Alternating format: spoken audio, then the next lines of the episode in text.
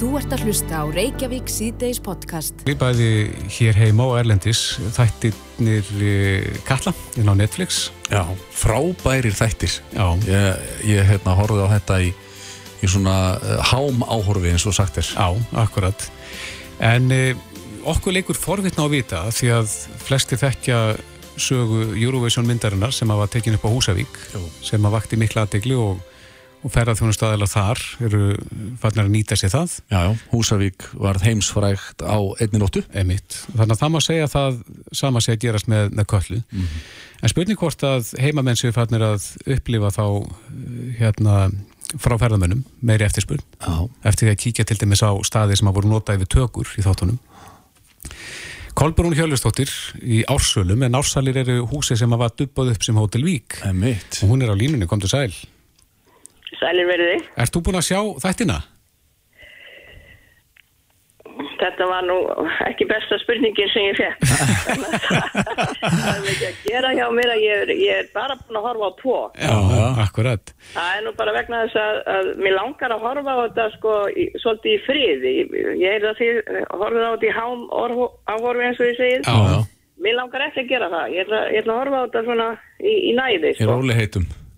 En ég er alltaf, alltaf, alltaf á, í ferðamanna móttökunni á kvöldin sko. Já, Þannig að við bara stend vaktina, við erum svolítið í vandræði með, með starfsfólk. Mm. Þannig að það, það, má, Þannig að þú er bara að standa vaktina og, og bara klára þetta sko. Að, það mætti þá kannski segja að þú sért svona svona fyrirmyndin af þessari konu sem að tekur á móti gestunum þarna á Hotel Vík í, í sjónastáttunum Köllu.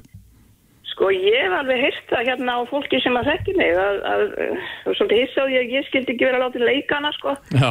En mér er alveg nóg að vera kettlingin í lobbyinu sko, heldur að vera leikana líka. Hvað er líkt með ykkur? Hvað, hvað segir fólk að sé líkt með ykkur? Ertu spáur í spil og bolla og... Ég held að, ég, ég veit ekki að vera að spyrja fólki að því en ég hef nú eiginlega kannski freka, ég held að sé nú frekar um það hvað er ekki líka með okkur. Já, já.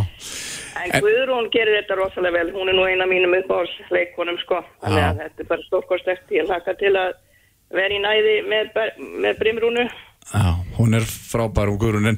En e- eru þið að verða vör við það að, að útlendingar uh, séu þarna á svæðinu uh, búinir að sjá sjónvastáttarröðuna köllu og, og séu svona að, að svipast um eftir tökustöðum eða svoleiðis? Mm, Já, sko, já, það kom mér nú eiginlega bara strax svolítið óvart. hvað, hvað mínu gestir vissum ekki um þetta, sko. Já, já. Það komu til dæmis hérna mæðgur, breskar og þær komu gaggjast sko til að horfa á síðast og þáttin sko í, í húsinu. Já. Já, já, já. Það sem Ég var, svona, ég, var, ég var svolítið að spá í sko að, að taka fram laggið og, og banka hjá þeim svona eftir minnætti sko. Já, akkurat. Já, svo var, jú, jú, það, það kemur fólk sko, svo var, svo var nú gaman að því einmitt að gisti hjá mér sko fullorinn kona og hann komið vel yfir áttrætt Íslendingur sem hafði lengi búið í Kaliforníu og kom svo núna loksins komst í ferðalag til Íslands hafði bara einu sinni komið áður. Og, og þau sagt þegar þau koma oft að sjá því að þau eru í húsinu dóttir hennar sem að var eftir heima hún hafði sagt við hana sko þú verður svo, ef ef þú ferðan í gegnum vík þá verður að vita og taka mynd af húsinu fyrir mig. Af því að þær voru búin að horfa á þetta. Já, og það alveg datt yfir þau þegar þau gistu svo bara í húsinu. Já, bara í sama húsi, takk fyrir. Já, og það var bara alveg strax farið á Skype og, og bara allt sínt sko og bara fótt er að upplifa þetta aldrei stert sko, finnst mér. En þú varst... Og við letum með mitt útbúa svona, við letum út eða ég let útbúa svona við ljósmyndara hérna Þóri Kjartansinni við útbyggum svona lítið veggspjald sem við höfum sko í húsinu. og þau vildi bara kaupa það hvað sem það kostaði sko, þannig ég er bara, Og seldur það? ég komin í smá business sko. Já, þú ætlar að prenta fleiri. En eh, Kolbrún, þú varst þarna á staðinu þegar að þættirnum voru teknir upp. Eh, Hvernig Já. var stemningin svona á meðan á tökum stóð? Stemmingi var náttúrulega þannig að við vorum bara inni og, og fylgdumst með í glugganum, mástu. Þetta var í, í COVID-inu, sko, Já. 2020. Einmitt. En það var alveg, það var alveg, eh, mér leið þannig að það var alveg opbóðslega gaman að fá Netflix fólkið yngað. það var þá eitthvað að gera og það var eitthvað líf í gangi og var eitthvað að gerast og, og þau, þau höfðu lánið með sér sko. Já, en þau, við þau, þetta fyrst í þryggja og fimm manna hópum og svo var náttúrulega farið að keira alla öskuna eða sandin sem sagt og dressa allt upp og þetta var alveg stórkostlegt bara að, að eitthvað var að gerast hjá okkur sko. En var, var bærin þá settur á annan endan með allir þessari ösku og, og því sem því fylgdi? Að sjálfsögðu. Já. Já, já, já, já. Já. Við erum með nóga köftuvikri hérna sko. Það er nú eitt af því sem þarf ekki að spara. nei, en ég heyrði aðeins í sveitastjóranum ykkar fyrir í dag og hún sagði að það hafi verið ótrúlegt að sjá sko frágangin síðan, hve- hvernig var hreinsað til og, og þau stiluðu jafnvel bænum sko betri heldur en áður. Alveg, þetta, er allt til því líkra fyrirmyndar og það og bara, já, það var, já, já. Ég get algjörlega tekið undir það heilsugar en, en það eins og ég segi, það var lán yfir þeim því að þeir voru með, með sko allt dressað upp og allan sandin og svona sem er nú talsverður fyrir ykkur sem hafi séð þetta saman -hmm. og þeir losnuðu við að fá sko kvarsa norðaustan átt þarna í, í mæ eins og gerir stundum hérna. Það hefði nú orðið, það hefði orðið vesen sko, það hefði verið, já, það hefði orðið vesen þeir voru með plan B að fá slökkulið til að vöku og svona. Þeir hafa verið með aðri máttarvöld með sér í liði þetta. Ekki spurning sko, ég laðist á þá, alveg á þá sveif sko. Já, akkurat. Já, já. En eh, heldur það að bærin geti gert meira og ferðarþjónustæðarlega geti gert meira úr, úr þessu heldur en kannski gert þeir í dag? Eins og, Já, eins og já. húsveitingar gerðu og gera? Mm, Já sko, við erum náttúrulega alveg, við erum náttúrulega, nú að því að getum verið að gera mikið úr okkur hérna en við erum náttúrulega mjög gamal reyndi í, í alls konar kvikmyndatökum sko. Já, Þeir eru náttúrulega voru hérna fyrir nokkurum árum margóft sko Game of Thrones gæ- gæjarnir sko. Maður mætti þeim hérna bara í fullum skrúð á göttunum þegar maður var að fara nýri skóla að kenna og svona. Já, já. Þannig að við erum, við erum náttúrulega, þú veist, þetta er bara Hollywood norðusins sko. Já. já Vík í Mýrdal Já, já, Já. Og þið, þið kannski fáið alveg nægilegt magn af, af ferðamönnum, þurfuð ekkert að vera að marka setja ykkur frekar eða hvað? já, já, ef, á meðan er fullt sko þurfum við ekki meira en þetta er náttúrulega vakti hérna talsett hjá okkur. Já, já. En svo er náttúrulega bara líka gaman, sko, svo er spurningi hvernig ferðamennsku við viljum hafa, sko. Jú. Ég sé það alveg fyrir mér að, að fara að hætta að þrýfa klósettinn og, og vera bara, skiluru, einhver svona fyrðuleg kettling hérna einhver starf í helli og svona og, og fólki kemur og hittir mig, sko. Ég er náttúrulega stundum, stundum leiki kvartlu, sko. Það var alveg hægt að selja inn á það.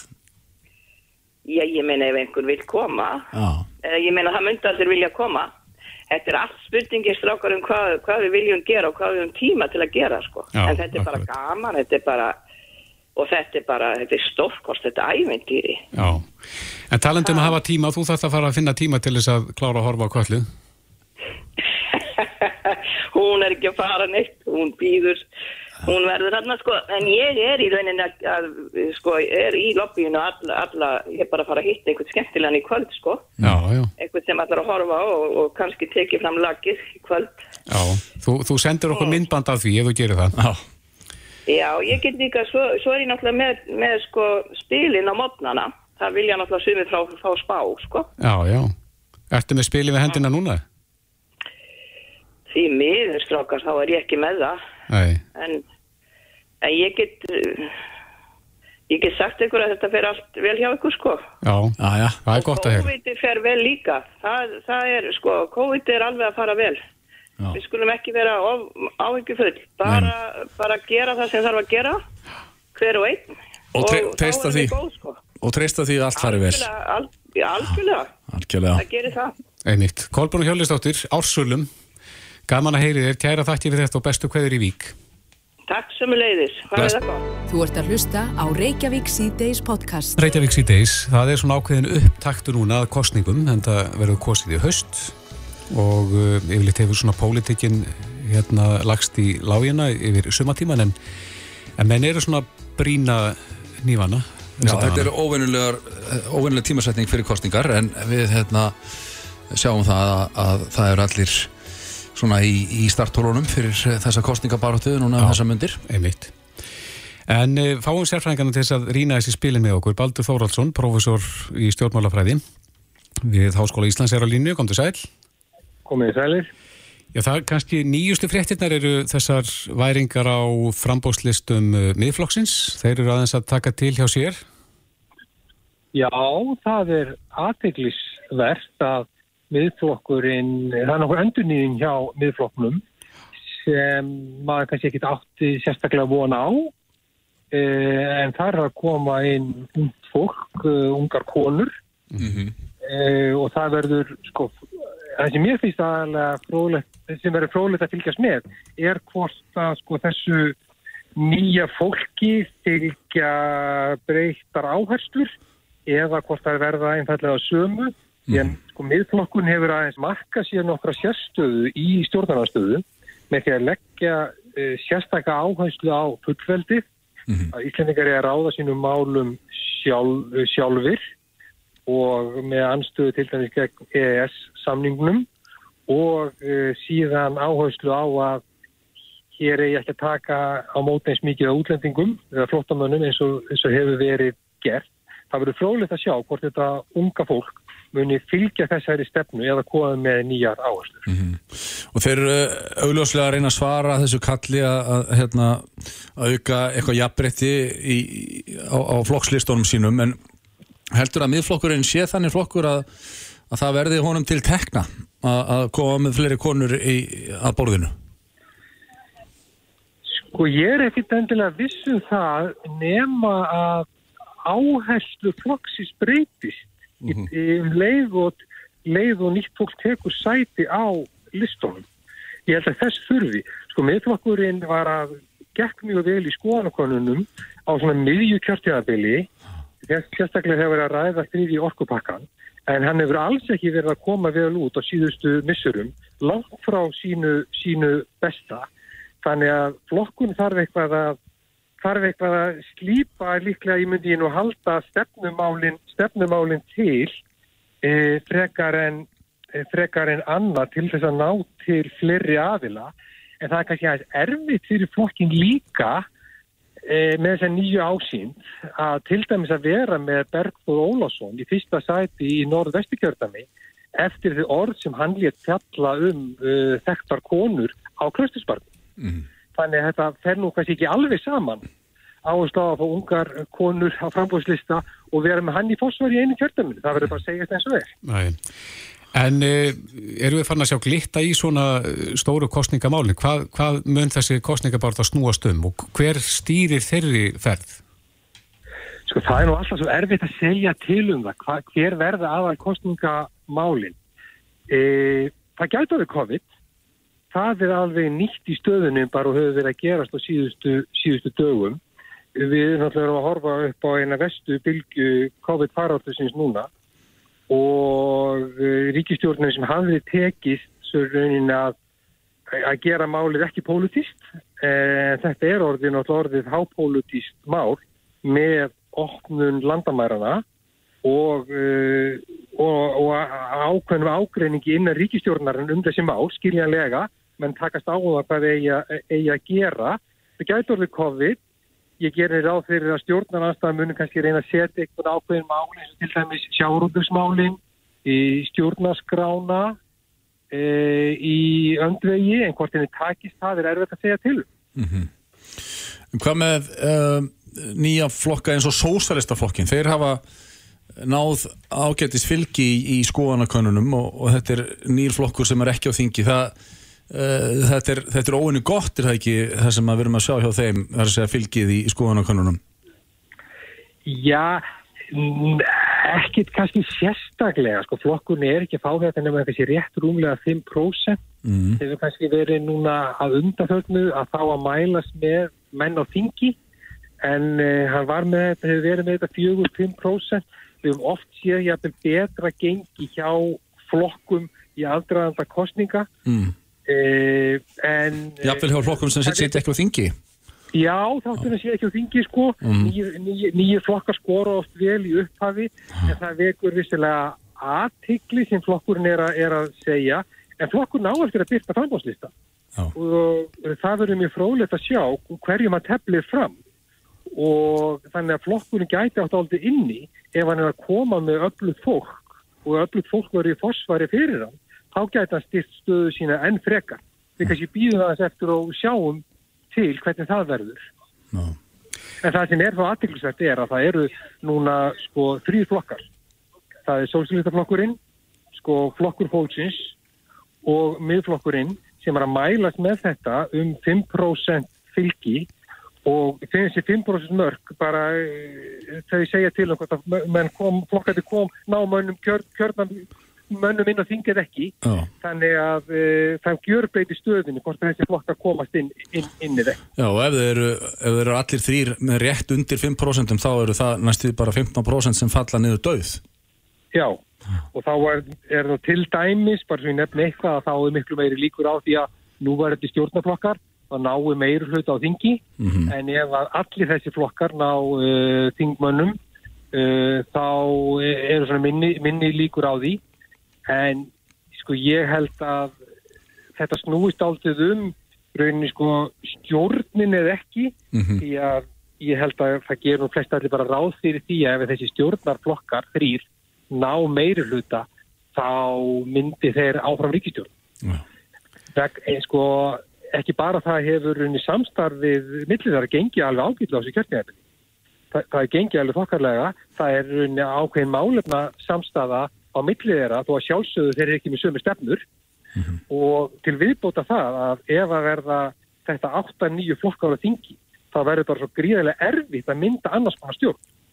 Einmitt. Þannig ef að þeir geta þrýr mynda ríkistjórn, þá tel ég langmestar líkur á því að það ver- verði, verði útgóðun úr Já. kjörkvæðsónum og, og, og næsta, næsta ríkistjórn. Þannig að eftir því sem að flokkarnir verða færri eftir kostningar að þeim mun uh, léttara verður að mynda ríkistjórn. Já, og því fleiri sinni verða því er, erfiðara, erfiðara verður. Já, En sko um leið, en um leið og þessir þrýr stjórnarflokkar ná hlut á þingi, þá er það ekkit svo flókið sko. Nei, en sérðu fyrir þér svona mögulegt stjórnarmynstur eftir kostningar? Stjórnarminstur það, Já, nú hafa kannanir sínt það að, að stuðnismenn til dæmis Sveinstir Grætna er ekki hrifnir af áframhaldandi eh, hérna, stjórnarsamstarfi við það flokka sem nú eru við stjórnvölinn. það, er alveg rétt. Samkvæmt skoðanakonunum er svona 70% af fylgismönnum vinsti græna eh, ekki fylgjandi þessu ríkistjórnar samstarfi en ég held nú að flokksfórustan mun nú ráða för og halla sér í átta sjálfstæðisflokki og framsóknarflokki Já. ef þessi stjórnarflokkar ná meira hluta. En gerir þeir það ekki sko þá er stjórnarsamstarfið sko viðreist píratar, samfylkingin og vafgi ef að þessi fjórir flokkar ná meiru hluta þá er ekki, gætu þeir ná saman vinstri græni gæta alveg unni með þessum flokkum og híni með þeim. Það var eitthvað sér helst að það veri ágrinningur á milli viðreistnar og viðreistnar og, e, e, og vinstri græna En- og einhverjum heilbriðismál Væri, væri ekki erfitt fyrir fórustu vinstri græna ef að þeir gætu náð þessum meiri hluta með pýrutum viðreist og, og hérna, samfélkingu að, að væri þá ekki erfitt fyrir fórustuna að, að fara í raun og veru gegn þessari grásrót og, og halda áfram samstarfið við sjálfstæðarflokk það held ég nefnilega ekki, hún gerði það síðast. Hún hefði geta, mynd, geta myndaði stjórnmill til miðju og til vinstri síðast. En fórust að vinstri græna kaus að mynda þessa ríkistjórn, nú er þetta ríkistjórn í nafni stö- stöðuleika Já, já, og þeir gætu alveg komist upp með það aftur gagvart sinni það, það, held, það, held ég. Því að vinstri grænir hafa náð e, þeim ákunnum málum fram í þessari ríkistjórn að þeim finnst umhverfismálum e, ekki meiri engavengu í helbriðiskerfinu fórsetisráð þeirra stýrir líka ákveðinu leiti hefur áhrif á það hvað mikið eitt í til dæmis í, í, í mentamál og, og nýsköpun og fleiri, fleiri þætti þannig að þeir hafi alls langt frá því að vera áhrifalausir í þessari ríkistjórn. Já. Baldur Þorvaldsson, professor við Háskóla Íslands, eh, kæra þætti fyrir þetta og bestu kveður út í sólina. Já, þakka ykkur. Hlustaðu hvena sem er á Reykjavík C-Days podcast. Jæja, Reykjavík síðdeis í gær bárust fréttir af því að umhverjastofni væri með til skoðunar uh, sandspyrnu keppni, held ég að það hefur orðað, uh, sem var búið til við hjörleifsöða í sandinu þar og uh, við heyrðum síðan í gær í uh, tökustæðastjóra eða location manager hjá Trúnorð, Já. Guð, Guðmyndu Guðansinni Þetta var sérst fyrir breska sjónasáttin Top Gear Já. á BBC. Já, akkurat, sem eru komin hinga til lands með hvað, tvö tonn af tækjum. Já. En uh, heyrim aðeins það sem að uh, Guðmundur Guðjónsson sagði við okkur í, í gær. Já, þegar við erum að vinna í friðlandi eða þjóðgarði að þá vinnum við það náttúrulega sjálfsögðu með hérna, viðeigandi aðilum Mm og hérna erum við bara að vinna í, í samstarfi við landeiganda og, og hérna frá, erum með leiði frá honum og leiðum landið honum í þessum tilgangi og, og komum svo til með að- skila landinu í sama á, ástandi og þegar við tókum við því. Já. Er þetta miskilningu þá, það sem að komið hefur fram í fréttum, varðandi leifismál og annað slíkt? Já, já algjörlega og við, við höfum alltaf verið og, og erum í góðu samstarfi við umhverfstofnun allstað þar sem við erum að vinna og, og við höfum verið í, í, sam, í, í samtöfu við þau hérna í tengslu við þetta verkefni og, og erum með leifi fyrir kvikmyndutöku þar sem að, að leifi frá þeim er, er þar sem það er þörf á leifi frá þeim. Já, þetta sagði Guðmundur við okkur í gær, en uh, það er spurning hvernig máli snýrað umhverfis stopnun. Við erum með á línunni fórstjóra þeirra stopnunar, Sigrún Ágústóttur, kom, komdu sæl. Selvfæsaður. Er eitthvað sem framkom í máli Guðmundur í gær sem að þið fallist ekki á? Já, það er nefnilega þannig að afsturðan vega er bannaður í Íslandi, hvort sem er einan friðlanda eða friðlstu svæða eða ekki. Mm. Það er bara allstaðar þannig. Og það er sérstök heimil til þess að veita uh, leifi til afsturðans vega vegna kvikmyndatökuverkefna og það bara að fara, fara í formlegt ferli. Já, en þarna er, segjast þér vera með leifi frá landeigandanum, þeim sem á landið, er, er það ekki nóg? Það kemur ekki í staðin fyrir leifi umhverfstofnar eða ívalda, það breytir einhver. Já. En svona akstur í sandfjöru, þetta náttúrulega bara jafnast út þegar að aldan kemur upp og, og hérna skólar þetta til, þarf leifi þar líka? Það er ekki alveg svo einfalt endilega, þetta skólist bara börst uh, og það er alveg skýrt í lögum að afslutan vega bannaður allstaðar. Það eru tilteknar undantekninga varandi frostna, jörg og snjó uh, og það er bara tæmandi talið í lögum og reglugjörðum. Mm. Þannig að þessi það á engin undantekning við fjörum og ef heimildir eru veikta til svona verkefna að þá reynda að takmarka áhrifin sem allra mest, skipleggja það fyrirfram þannig að áhrifin séu sem minnst og utanumhaldi gott og merkingar annars líkt og síðan að séu ákvæðin frágang. En hvers vegna er það svo að landeigandi getur ekki einn og sér hérna, gefið leifi til þessa? Hvað, hérna, svona, það fyrsta sem hann er dettur í huga, sá sem á landið, hann, hann fari bara með ákvörðuna valdi þar. Er, er, hvers vegna er, er það ekki svo? Það eru ymsar takmarkanir og eignaráðan getur sagt í þáu náttúruvendar og það eru bara uh, af ymsum toga meðal annars þessum Mm. og ég held að það er komið ansi óskýra línur í lagumhverfi ef það væri með það þannig að það væri bara í valdi hvers landi en það heimila aftur utan vega.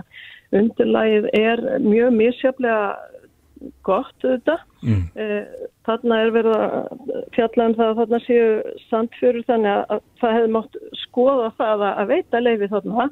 Eh, Síðan er undirlega við á þannig að það kemur bara ekki til greina. Segjum að við séum með til dæmis mósarsvæði þannig að hérna, það er bara metið í hverju tilviki fyrir sig og ekki að, ekki hægt að segja endilega nákvæmlega fyrir um hvernig þetta hefur verið. En verður ykkur eftirmáli varandi þetta uh, tiltekna mál? Ég held að það er nöðsilegt svona að fara yfir þetta. Eh, Ég hef átt samband við fyrirtækið og, og við minnum eiga samtali kjölfar þess að gera í ráðferðis. En hefur ekki verið ágættið samstarfa á milli þinna stopnunar og kvikmyndagerða fyrirtækja hér á Íslandi? Jú, lang oftast. Og, og flest, í flestum tilvíkum er kvikind að gera menn með allt sitt á hrein. Já, En Hvaða, hvaða eftirmál gætu orðið af þessu? Gæti komið til greina einhverjar sektir eða eitthvað slíkt? Ég ætla ekki að fara að taka afstötu þess í, í svona viðtali en verði í sambandi bara við einmitt fyrirtækið og, og eins að ég sem geisalegt fyrir uh, umhverfstofnun og, og lauruglu svona að fara yfir verkaskiptingu og annars líkt svona verklagi í tegnslu við svona mál. já, er þessu máli sem sagt ekki lokið? Við þurfum að, að fara yfir þetta held ég. Já, en það hefur nú líka verið bent á það að þessi kvikmyndafyrirtæki sem hafa komið hingað og, og tekið upp uh, valdið einhverju smá rastja þau hafa gengið frá eftir sig óaðfinnalega og vil stílað stöðum uh, sko í betra ásíkomulagi heldur en þeir eru komið að því. Ég lang oftast er það þannig að það gengir mjög vel frá. Uh, hvort við séum að tala um það að skilja eftir í betra ástandi, það skal ég ekki segja til um. En lang oftast gengur þetta bara mjög vel þannig að þetta er undatekning. Já, en svona ef við streikum undir að uh, þá þarf undatekninga löst leifi frá umhverju stofnun ef að menn alltaf eitthvað að raska landi. Já, uh, það eru bara þessar örfá heimildir varðandi frostnáðsnæfi þakkina jörð og síðan eru eins og bændur, björgun og sveitur og slíkir með tilteknar heimildir. Heimilt. Sigur hún Ágústóttir, fórstjóri umhverfis stofnunar. Kæra þakki fyrir spjallið. Já, sem leiðist takk. Þetta er Reykjavík C-Days podcast. Já, Reykjavík C-Days og við sjáum það í morgunblæðin í morgun að það er rætt við Haldur Benjamin Þorbergsson, frangotastjóra samtaka Atunlýsins sem að telur að, að næstu kjara viðraður getur orðið snúnar það er haft eftir honum þarna en það, já, svona ímislegt á, á haus í efnahagsmálunum hjá okkur Er, er langt í það? Já, það er spurning, ég veit ekki alveg hvernig, hvernig það stendur, en Haldur Benjamin er á línunni, sætla blessaður Haldur Já, sælir verið. Hvenar er það annars sem við erum að fara næst í kjara viðræður? Já, ég ekki segja að það verði svona í lof næsta sumars, eitthvað svo leiðis sem að kjara viðræður hefjast, vonandi með það að marki að klára það fyrir áramót en mm -hmm. ef, að, ef við horfum á söguna þá verður þetta ekki lengri tíma því miður. Og hvaða blíkur eru þetta á lofti sem að þú hefur áhugjur af að þetta gæti orðið snúið? Já, ég held að sé kannski fyrst og næst þetta og það sem er kannski kvartin að umfylgja morgunblæðin sem þessi að það stýttist í kjara samfélagum og með regluðum millibillið þurfa aðeinar að setjast niður og fara yfir það hvort að fórsendur hans að haldi. Mm -hmm. Ég er svo sem lýsið því að það þarf ekki að deilum það að vextir í landinu og sannlega lækka á tímafélaginu. Ekki samt á þeim fórsendur sem við vonuðust til að það getur grundar frá vaxtalækjunni, heldur var það einstækta að. Mm -hmm. og í annar stað þá hefur kaupmáttur almenningsveikist í tímafélaginu, þannig að þessar fórsendur standast klálega. Og síðan er þriðið þátturinn sem varðar uh, skuldbindingar stjórnvalda samsliða gerð kjærasamninga og það er verkefni núna SA og AIC að loknum sumalegum strax eftir helgi og inn í, inn í hérna septembermánu að fara yfir þau aðrið sem að stjórnvald skuldur skuldbundu sér til að klára og leggja heilstætt mat á það mm. Hvort að þau séu hafi verið uppfyllt á öllu lendi. Já, svona í fljóti bræði þegar þú lítur yfir þann akkur, stýnist þér eitthvað standa út af þar? Það er, ég hef sagt, sagt eins og þetta þurfum við að fara í einhvers konar heilstætt mat en hins vegar tek ég nú bara undir með fórsvarsmönnum verkalýsfélagana sem það vant að hafa eftir sér að þeir sjáu nú ekki fyrir sér uh, mikið róstur og vinnumarkaði núna í september. Nei, en það stýttist líki kostningar. Uh, hefur þú skoðun á því hvað eigi að setja oddin uh, í næstu kostningabaráttu? Það er að segja hvaða mál þarf að ræða helst? Já, ég held að hvort sem okkur líka betur eða verð, þá verði óumdeilt að framtíðar leið í sóttvörnum hljóti að verða eitt af stærstu málunum. Mm -hmm. Þannig að það auðvitað snertir sjáuði ekki bara atvinnulífi eða líf hvers og eins, það snertir alla anga bara mann, mannlífsins sko. Og núna er einhvers konar ákveð að stíga eitt skref tilbaka í sóttvörnum og ef maður þetta rétt þá, þá hefur ríkistjóðin gefið út að þetta muni gilda til hvað 13. ágúst eitthvað svoleiðis. Ég legg bara ríka áherslu á það að eftir þann tíma, eða fyrir þann tíma áfyrir, þurfi stjórnvöld og sótarnaríðuvöld að stíga fram með trúverðugt langtíma plan sem útskýrir með hvaða hætti við ætlum að lifa með veirunni til framtíðar. Mm -hmm. Ég held að það séu margir með öndin í hálsinnum að, að, að, að heyra það útfæslu. Við þurfum að vita hvort að við ætlum að leifa sagt, veiruna að ganga yfir bólusett samfélag eða hvort við ætlum að vera í, á, áfram í takmörkum og, hérna, og höftum Ég held að það sé stóra myndin en að þið spyrjum komandi kostningar og hvað ég tel að var ofalega á bögi við skoðum sögu síðustu 16-20 ára eitthvað svo leiðis að efnagsmál alltaf verið mjög stór, stór þáttur í kostningabartunni og ég vænti þess að svo verði áfram og mér langar líka ekki svolítið aðtikla á því að það er alltaf verið að þrengja að frelsi einstaklinga, það er alltaf verið að þrengja að fyrirtækjum landsins með íþingjandi regluverki, aukinni skattheimtu og þar fram með til gödunum. Og ég kalla svolítið eftir því að kostningabortan snúist líka um þetta. Hvernig getum við gert líf okkar allra einn? Ég held að undanförðum árum áratjóðum við alltaf verið að bæta í hvað varðar reglugerðir, hvað varðar íþingjandi hvaðir sem fyrirtæki þurfa að uppfylla. En svo endanum sjáum við leiðir þetta alltaf til þess og það verður bara aukinn kostnaður fyrir einstaklingar eða í samfélag. Það viljum við ekki. Ég kalla svolítið eftir umræðum þetta og ég held að þetta sé eitthvað sem að fjöldi kjósenda sé að versta fyrir sér á degi dags og ég vona að verði ofalega þau í, í aðhæganda kostninga. Það verður eins og að mjög snörf kostningabáta þetta er ekki nema rétt rúmur mánuður og þannig að það mun eflust fátt annað komast að en ég held að marga sér farið að klæði puttana og hlakki til kostningabaratunar og sjá hvernig hún mun spilast út.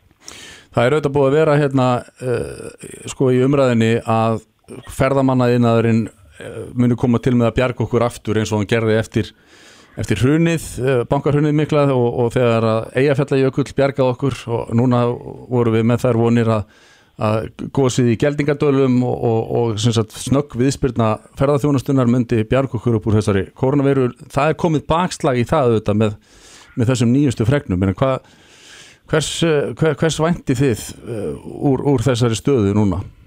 Já, ég hef sagt að það séu blikur á lofti, hins vegar er það þannig að tækifærin fyrir framann okkur eru líka mjög mörg.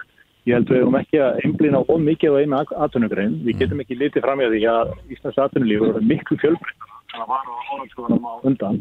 Vegar er alveg rétt sem þú segir að það eru gríðarlega sóknafæri í það meðal annars í ferðarþjónustum. Það er ekkert eina greinin. Við sjáum að yfirnaður um land allt er að blómstra stór innfyrirtæki uh, hafa vaktið upp hér á einhvernum árum og áratögum.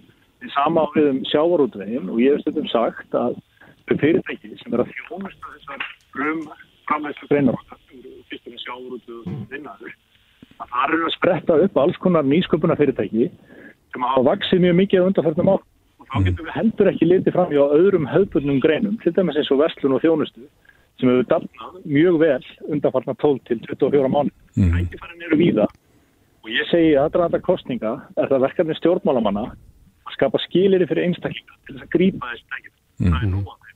En þetta snýst alltaf endanum en það að fá inn erlendan gjaldir eða ekki? Jó, ég menna á endanum snýst þetta um verðmætasköpun, getur við sagt.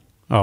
Verðmætasköpun er það sem stendur undir lífskjörum allsþóra manna til framtíðar og við megum aldrei tapa sjónar af því að við verðum að vera góð í verðmættasköpun. Við verðum að framleiða meira og flytja út. Um það snýst þetta.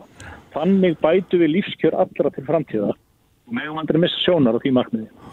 Það er einnig haft eftir að, að hérna, þú segir að, að sennilega munum við sjá herra atvinnlýsistig en við höfum séð um langt skeið. Á hverju byggjuru það helst? Því miður virðast erum smátt benda til þess að aðurleysi sé að ganga hæga tilbaka en við vorum að vonast til. Og það sem að veldur manni áhyggjum líka er það að langtíma aðurleysi þar að þeir sem hafa aðurleysi í heilt ára eða lengur mm. að við óttumst að það muni ganga hægar niður en við gerðum ráðfyrir einhverju hafa sagt sem svo mögulega séu að búa við herra aðurleysi stig til framtíðar en við þekkjum á fortíð ég mann og við munum öll að atvinnuleysi hefur náttúrulega aldrei verið neitt vandamál á Íslandi.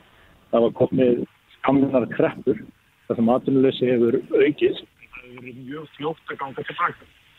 Við óttumst að það geti að svo sé raunin núna og ég hef sagt að í aðgangi karaverana þá sé það aðalatriðu að einblýna á atvinnustíið það er að segja að ná niður atvinnuleysi áður en við fyrir að ræða breytingar á kaupum og kjörum á öðru leiti. Mm -hmm. En það er einni nefnt þarna að, að hérna í viðtali við aðalstein Baldursson forman framsýnar stjættafélags að hann hafi sagt að það sé ennverið að flytja inn erlend starfsfólk hvernig hérna fer það saman að við séum með hátt atvinnuleysistíð en samt er verið að flytja inn erlend starfsfólk í miklu magni? Já, til allar hamingi er Ísland opið hagkerfi, bæði flytjast Íslandikar úr landi til þess að vinna annar staðar og fólk flyst til Íslands til þess að vinna og þannig viljum við hafa það og viljum við raun að auka það frekar en heitt. En eins og það verður vera, og ég vil að það eftir mér í morgunbæðin í dag, að það gangi erfið, það sé erfiðar að manna störf í fjöldamörgum atvinnugreinu, fingir í kringum landi, en maður myndi ætla á meðan atvinnuleysi er jafn hátt og raunber vitni. Mm. Þetta er vísbending um einhvers konar hugafarsbreytingu og ég hef sagt að þetta sé samtal sem þurfa að eiga sér staðin á heimilum lands eldursporði, syngin í þingum landi ég er alveg til það og við flest að ef það er vinna að hafa þá vinnum við. Og ég hengd að það sé góð stefna til framtíðar sem að þorri Íslendingar stiði mm. Já, er Íslendingar og vandlátir þegar það kemur að störfum? Já, það eru einhverja skýringar. Ég, ég er ekki maður einfaldra skýringa. Það er augljóst að það er einhver breyting orðið. Eflust er þetta samverkandi þætti Það er einhver, það er allavega ástæðan til að spyrja spurninga þegar við erum aðbyrnleysi á sama tíma og svo tekst ekki að manna það. Getur verið að launin séu bara allt og lág í þessum uh, starfsgreinum sem umræðir? Já, þá er það mættilega að vísa til hæstu, lagstu námaslauna í heimi eða hæstu meðalvinna í heimi sem er staðan á íslensku vinnumarkaði. Þannig Eða bara að sú með af skýring- íslenska vinnumarkað? Þannig ég held að svo skýring dýði skamt í miður. Já. Haldur Benjamin Þorbergsson, frangværtastjóri samtaka atvinnulífsins. Kæra þakki fyrir þetta. Herru, takk fyrir. Reykjavík síðdeis á bylginni. Já, Reykjavík síðdeis, eh, faraldurinn, fjórðabylgjan, hún eh, stendur yfir og uh, það er nú ákveðin eining í þessu öllu saman sem hefur vætið mikla aðtegli og eftirtekt, það eru farsóttarhúsin svo kalluðu. Jú, jú. Á línunni er Gilvi Þór Þorstensson, umsjónamaður farsóttarhúsa Rauðakrossins. Sæl Gilvi? Jú, góðan daginn, strókar. Já, þú ert með eh, góða insýn inn í allt þetta ferli. Þetta er ekki bara eh, fyrsta, önnur og þriða bylgja, nú er svo fjórða sem það er í gangi. Er mikill munur á þessari fjórðu bylgju hvað ykkur varðar og á henni bylgjunum? Já, það er það, er það nú. Það, þetta gerist allt miklu, miklu hraðar núna. Við erum að fá til okkar í einangrun uh, svona 20-30 manns á dag og jáfnvel fleiri. En í, fyrri, en í fyrri bylgjum var þetta kannski sko 1, 2 og kannski hámark 10. Mitt. Er uppi staðan eh, erlendi ferðamenn eða er þetta Íslendinga líka? Þetta er mikið af Íslandingum núna og kannski eiginlega mest af Íslandingum þessa dagana. Uh, þetta byrjaði með eh, erlendum ferðamönnum mikið uh, og uh, nú er þetta greinlega bara komið út um all land þannig að við erum að fá fólk hvaðan af, af, af landinu. Svo hefur hef maður lesið það að hérna, atvinnumiðlanir sem eru að flýta fólk til landsins hérna, hér hinga til starfa uh, vísi oft beint í, í, í farsóttarhúsin ykkar. Er, Já, það er, það er svo kvöldu skimunarsóttkví þar sem að erlendir ferðamenn þurfa að vera í fimm daga. já. Það er að segja sínataka og eru óbólusett sko, það er þá sínataka upp á velli og, og hérna sínataka aftur fymtum síðar. Já, atvinnumiljarnar hafa aðeins verið að, að benda á okkur en það er það kannski oft þannig að, að þeir sem að hinga koma að vinna í kannski stuttan tíma, þeir, þeir búa margir saman á heimili og, og með sameilan aðganga af eldúsi og klósetti og, og þarlegend er kannski ekki hægt, eh, ekki, ekki gott að vera með fólki í sótkví í þannig aðstæðum. Þannig að þeir hafa verið að benda mikið á okkur, já.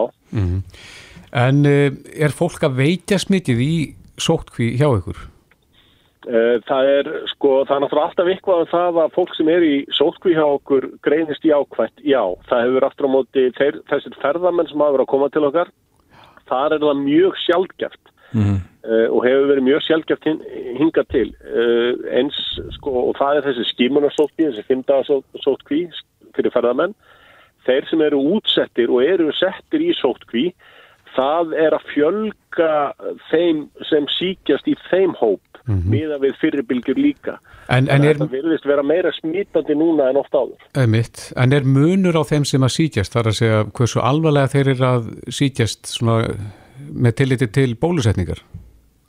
Það er, sko, við sjáum að, að einkennin eru nú gegnum gangandi þau sömu í öllum bylgjunum nema það er svona alltaf eins og eitthvað eitt sé kannski eh, meira allsráðandi ef eitthvað er. Mhm. Uh, Þetta byrja náttúrulega alltaf, sko, fyrst er þetta var að byrja í fyrstu bylginu, mikill höfverkur, mikill hósti og svona og það, það heldur sér ennþá. Nún er að bætast við, sko, svona mikill niðurgangur hjá fólki. Mm. Uh, þá er þetta með að halda, halda niðri mat og, og drikk þannig að við fyrir að vera uh, duglega að, að hérna bera uh, geitoreit í fólk og, og, og svona kjött og súputeninga svo við fáum nokkuð kraft í líkamann En er ekki, eru einkennin ekki minni núna hjá þeim sem eru full bólusettir? eins og hefur talað um? Uh, sko, Eða- vægari? náttúrulega- Já, sko, nei, einkennin eru endilega ekkert vægari hjá þeim sem að fá einkenn á annar borð. Það eru náttúrulega flestir fá mjög lítil einkenni en þeir sem fá einkenni eru að fá þau kröftugt og, og hérna en þau hjá flestum ganga þau aftur um þetta hratt yfir, kannski á sko tveimur til þreimur dögum. En þau, en þau eru kröftu á meðan aðeins stendur.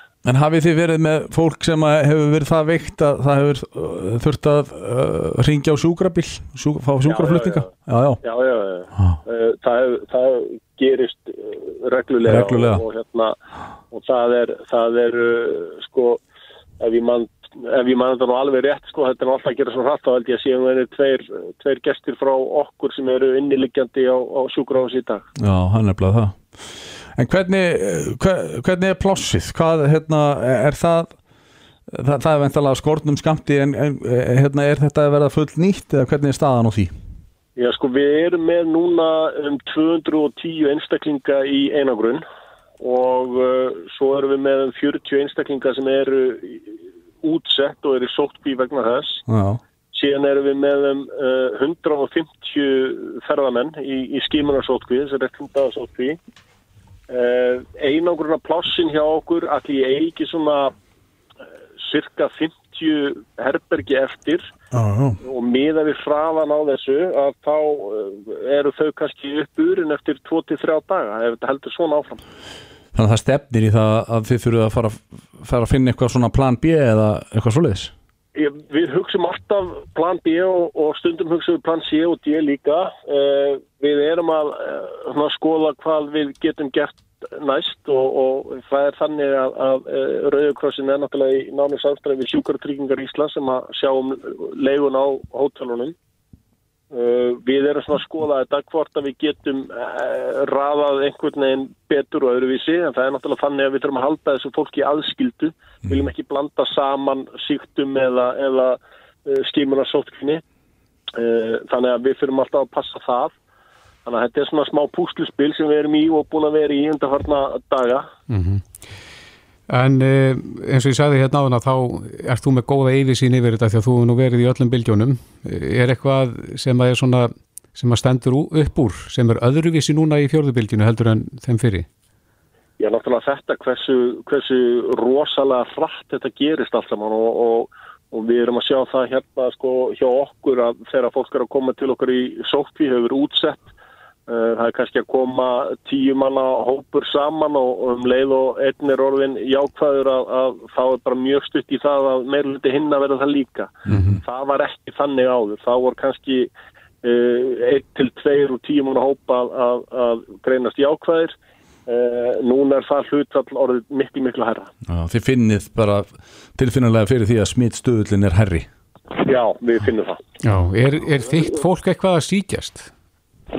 Nei, sem betur fyrr hefur engin starfsmæður uh, hjá okkur greinst í ákvæður eða þurft að fara í sótkví út af slörfum sínum hjá okkur uh, en miða við þessa uh, útbreyslu og, og þennan smittstuðla þá er ég fættur um að, að nú sé að koma að því að eitthvað svo leiðis gerist.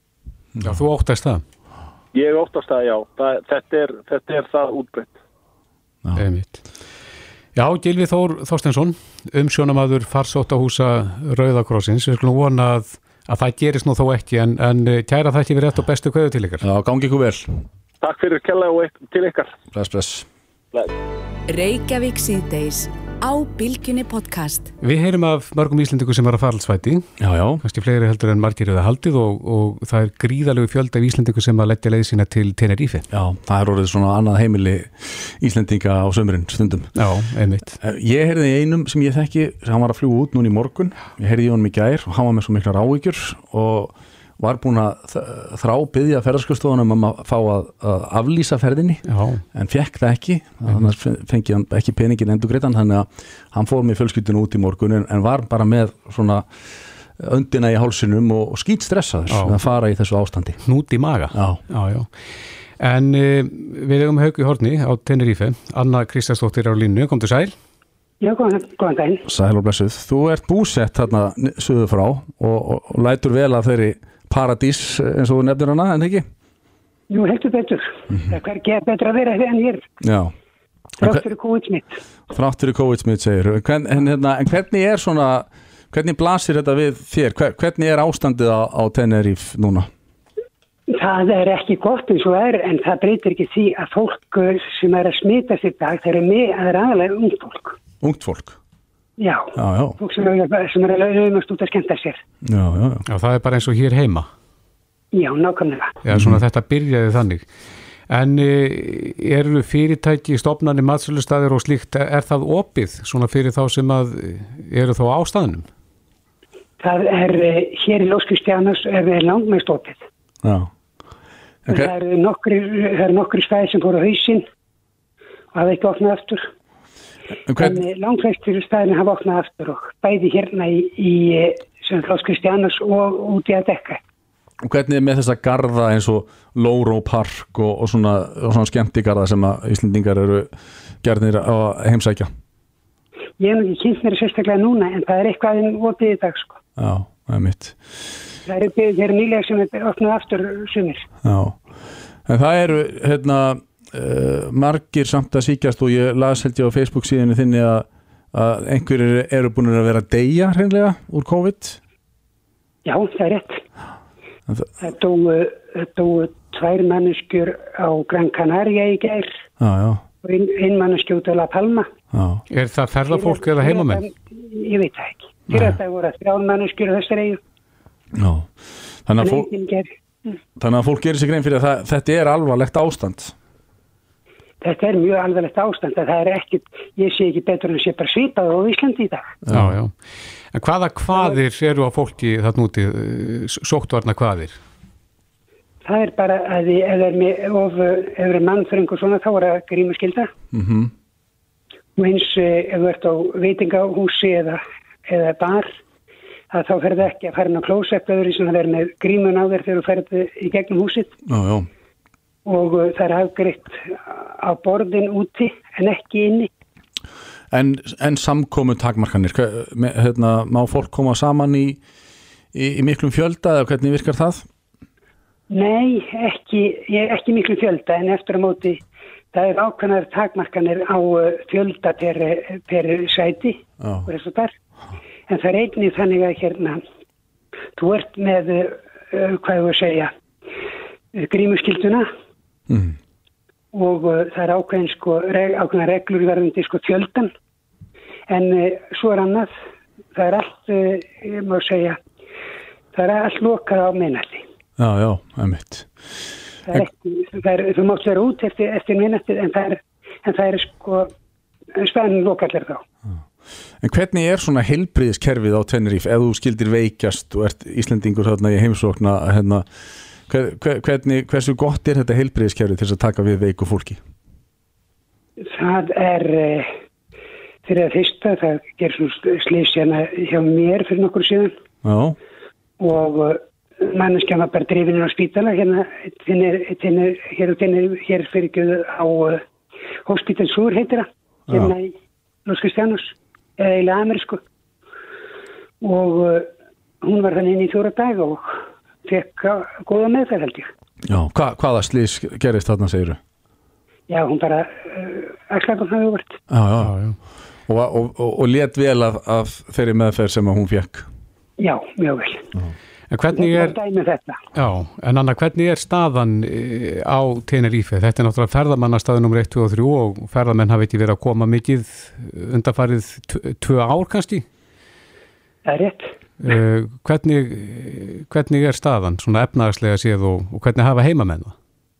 Þeir hafa skýtt og runa bara þannig.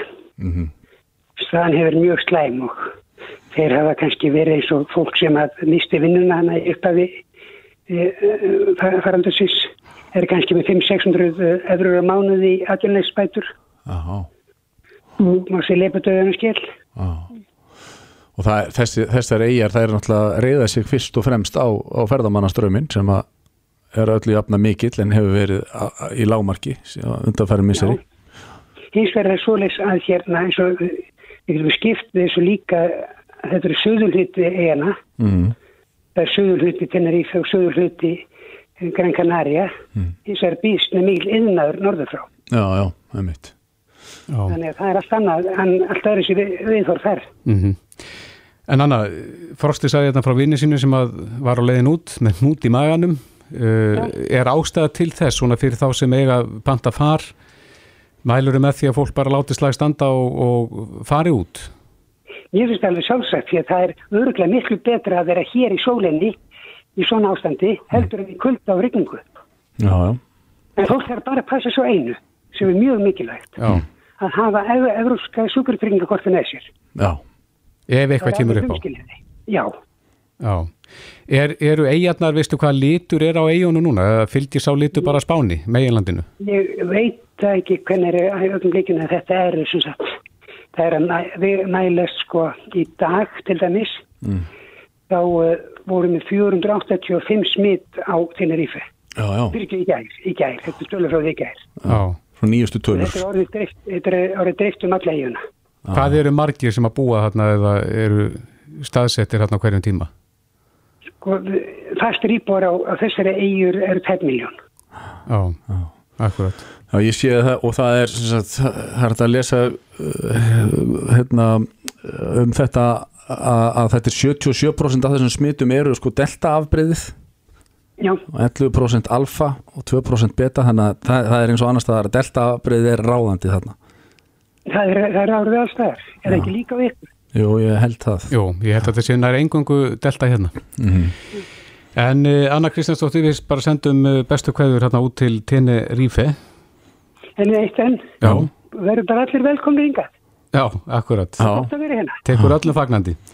Já, já, já, sjálfsögði. Já, Anna, kæra þakki fyrir þetta bestu kveður. Takk að þessum þess. Bless, bless. Þetta er Reykjavík C-Days podcast. Reykjavík síðdeis og við höfum heyrt af því að það er mikið anríki búið að vera hjá sjúkraflutningamönnum Já. það er bæði búið að, að, að hérna, vera mikið að gera nýri miðbæri Reykjavíkur sem að kannski hægist nú aftur eftir að það eru auknar takmarkanir og svo eru COVID-flutningar líka að manni skilst Það fylgdi fréttunum að var ekki nýtt met sem Já. var slegið í dag. Ég held að það er að vera að tala um það Já. Og við höfum fengið á línuna uh, Birki Átnarsson sem er formaður fagdeldar sjúkraflutningamanna hjá landsambandi uh, slökkuris og sjúkraflutningamanna Sallur blessaði Birkir Sælir? Uh, það er, er það ekki rétt sem við heyrum að, að það er verið að slá enn eitt metið í sjúkraflutningum þessa dagana? Jú, hefðu það hérna verðist ekkert vera að láta á þessu um 186 flutningar núna síðastu sólringin Aha. Er það flest tengt þá COVID? Uh, af því skilst mér er einhver tæpi 50 COVID-flutningar en það, það er búið að vera mikið núna. Mm og, og eins og ég nefndi í ingangnum hérna var náttúrulega mikið búið að vera að gerast niður í miðbæ Reykjavíkur en uh, þið, þið vonist náttúrulega eftir því að það fara að hægjast um aftur er það ekki? Já, það, það allavega munar miklu. Við tökum eftir því eftir, hérna, ofna tíminn hefur áhrif á þetta En hvað þýðir þetta í raun og veru að sé vera að slá met? Ég menna, eru þið þá að kom þér að einhverjum þa- hérna, eða? Það er álag á mannskapin en, en, hérna, en, en það eru bara allir að gera sitt besta að halda þessu saman og, og, hérna, og geng, gengur eða þá Já, og, og eru þið með nægan mannskap? Uh, sko, eins og segi, það, það er hérna við látum þetta ganga núna en það er alveg, alveg greinlegt að, að, að það þarf að gera ráð fyrir auknum mannskap núna þegar að fara að skipulegja frangvært sjúkraflýninga uh, áfram og, og tryggja við höfum réttan búnað og það, þetta er verkefni sem er verið með okkur svolítið áfram og það þarf að gera ráð fyrir þessu alveg klálega. En er nægur mannskapur á lausu í þessi verkefni? Tja, það er uh, það er núna orðið að hérna, kalla einn aukavættir eins og hérna höfubúrúslæðinu og, og hérna uh, og, og fá menn í, já, fá menn í aukavinnu uh, og, og jável, jável er aðeins fara að tala um það hvort að kalla mennin og fríum en það hefur verið gert áður Já. til þess að breyðast við auknáleg. En nú er ég talað um það að landsbítalinn er komin á hættu stig. Er, er hægt að líka ykkar stöðu við eitthvað slíkt? Já, Eru sjúkarflutningarnir komin á hættu stig?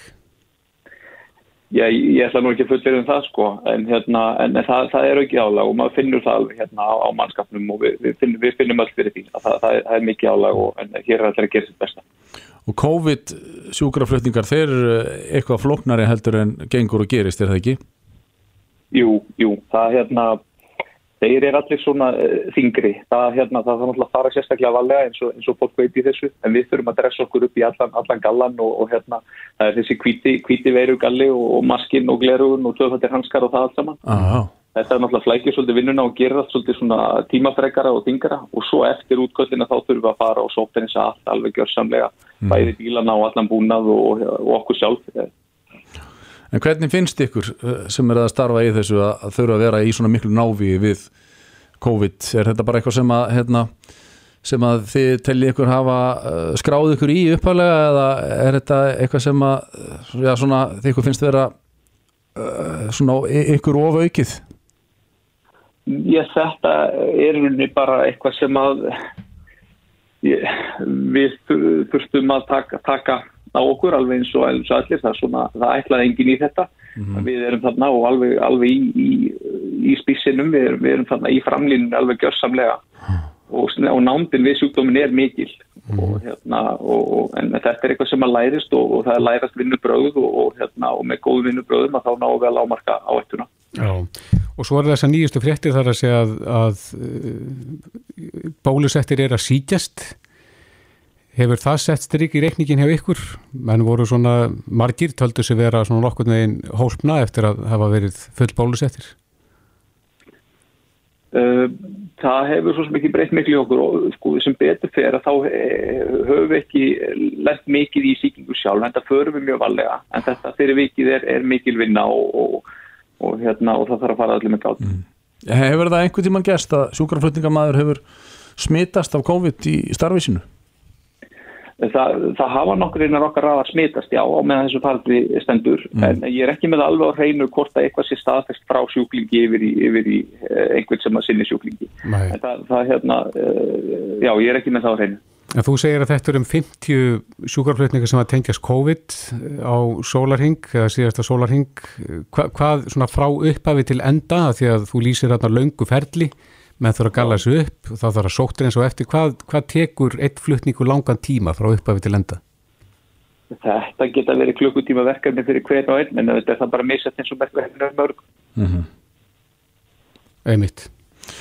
Nákvæmlega Birgir Átnarsson, eh, formaður fagdildar sjúkraflutningamanna, þau er kærlega fyrir spjallið, gangi ykkur vel. Já, takk hérlega fyrir. Mér langar að benda á eitt að það hérna, sem sinna sjúkraflutningum, bæði hérna höfugúrsæðin og víðar, eru aðeins á samfélagsmiðlunum og það er hægt að fylgjast með okkur og sjá í rauninni uh, hvað er að frétta á okkur þarna. Já. Og við viljum endilega fólk sé í tengingu við það sem við erum að gera, viti á okkur þarna úti og viti að við erum sannlega í framlínni að, að glíma við hennar sjúkdóm.